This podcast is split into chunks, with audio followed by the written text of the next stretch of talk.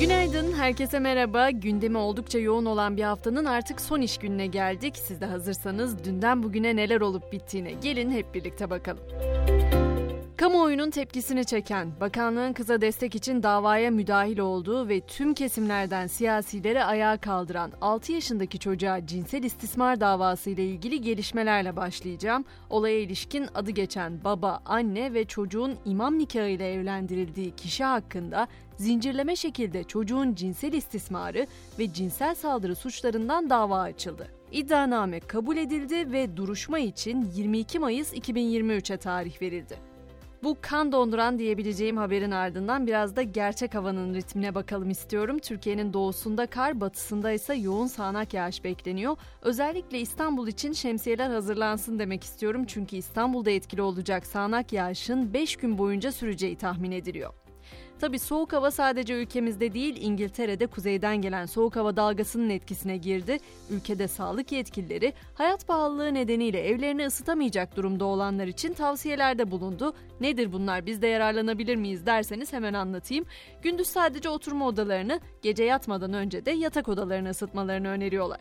Bu arada İngiltere'de bir de grev krizi yaşanıyor. Grev kararı alanlar arasına havalimanlarında görevli sınır güvenlik personeli de katıldı.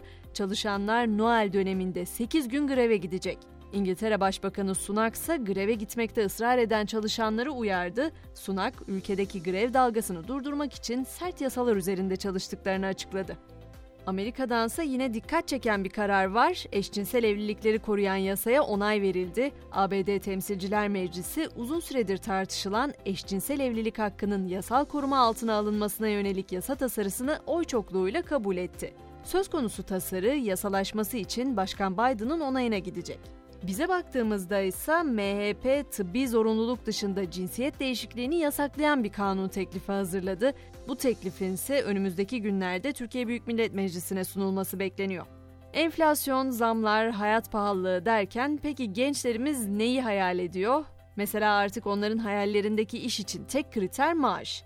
Türkiye genelinde 1700 gençte iş tercihi ve kariyer planlaması anketi yapıldı. Sonuçlar dikkat çekici çünkü buna göre gençlerin %57'si kamuda çalışmak istiyor. İş başvurusu yapılacak yer seçilirken ise en çok dikkat edilen maaş. Dün çokça konuşuldu. Rusya ile Amerika Birleşik Devletleri arasında yapılan takastan da söz etmek istiyorum. Yapılan takas sonucu çünkü ölüm taciri serbest kaldı.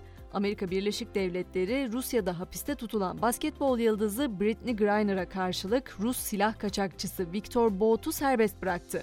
Bout 12 yıldır ABD'de hapis yatıyordu. Bir dönem dünyanın en çok aranan kişisiydi ve ölüm taciri olarak anılıyordu.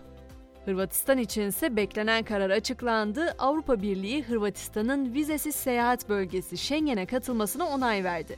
Hırvatistan 1 Ocak'tan itibaren Schengen bölgesinin 27. üye ülkesi olacak. Avrupa Birliği üyesi Romanya ve Bulgaristan'ın Schengen'e dahil olması ise Avusturya ve Hollanda'nın vetosuna takıldı. Şimdi biraz müzik dünyasına uzanalım. Titanic filminin müziği My Heart Will Go On şarkısıyla akıllara kazınmıştı. Ünlü şarkıcı Celine Dion'dan bahsediyorum. Kendisinden üzücü bir haber var. 54 yaşındaki şarkıcıya sadece milyonda bir görülen ve tedavisi olmayan nadir bir nörolojik hastalık teşhisi kondu. Hastalığın adını merak edenler için söyleyeyim. Stiff Person sendromu ya da katı kişi sendromu olarak biliniyor. Dion gözyaşları içinde durumunu anlatan bir paylaşım yaptı ve bu sağlık sorunu nedeniyle Avrupa turnesini iptal etmek zorunda kaldığını anlattı. Çoğu zaman konuşuyoruz pandemiyle birlikte hayatımızın iki yılı gitti ya da şu son iki yılı hayatımızdan çıkarabilsek ya da bu son iki yıl sayılmasa diye sanki bu son iki senenin ardından şöyle bir iki yaş gençleşsek iyi olur gibi hissediyoruz. İşte 2023 yılından itibaren Güney Kore'de bu mümkün olacak çünkü Güney Kore'de onaylanan yasayla ülkeye özel kullanılan yaş sistemi sona erecek. Haziran ayında kullanıma girecek olan uluslararası hesaplama yöntemiyle ülkedeki birçok vatandaş bir ya da iki yaş gençleşecek. Bu durumda Haziran doğumlu biri olarak ben de Haziran itibarıyla Güney Kore'de olmak istediğimi şimdiden duyurmak isterim. Ve artık geçiyorum spor dünyasına. Orada da oldukça fazla haber var. Dünya Kupası nedeniyle liglere verilen arada kamp yapan Beşiktaş, kamptaki ilk hazırlık maçında Belçika ekibi Charleroi ile karşı karşıya geldi. Siyah beyazlılar sahadan 2-1 galip ayrıldı. Göztepe ile Altay arasında oynanan ve yarıda kalan bir maç vardı hatırlayacaksınız. O maç içinde federasyon kararını açıkladı. 1. Lig'de 27 Kasım'da oynanan ve çıkan olaylar nedeniyle 22. dakikada tatil edilen Göztepe Altay derbisinde her iki takım da hükmen yenik sayıldı. Katar'daki Dünya Kupası'nda ise çeyrek final heyecanı bugün başlayacak. Saat 18'de Hırvatistan, Brezilya, ardından da 22'de Hollanda, Arjantin karşılaşmaları oynanacak. Ve dün akşam potadaki mücadelede ise Avrupa Ligi'nin 12. haftasında Fenerbahçe Beko deplasmanda Alba Berlin'i 29 sayı farkla 104-75 yendi. Sarı lacivertliler Avrupa Ligi'nde bu sezon 10. galibiyetini aldı. Alman ekibi ise ard arda 9. mağlubiyetini yaşadı. Bu haberle birlikte biz de Podi ile sabah güncellememizi noktalıyoruz. Akşam 18'de haftanın son güncellen saati için ben Gizem yine burada olacağım. Görüşünceye kadar hoşçakalın.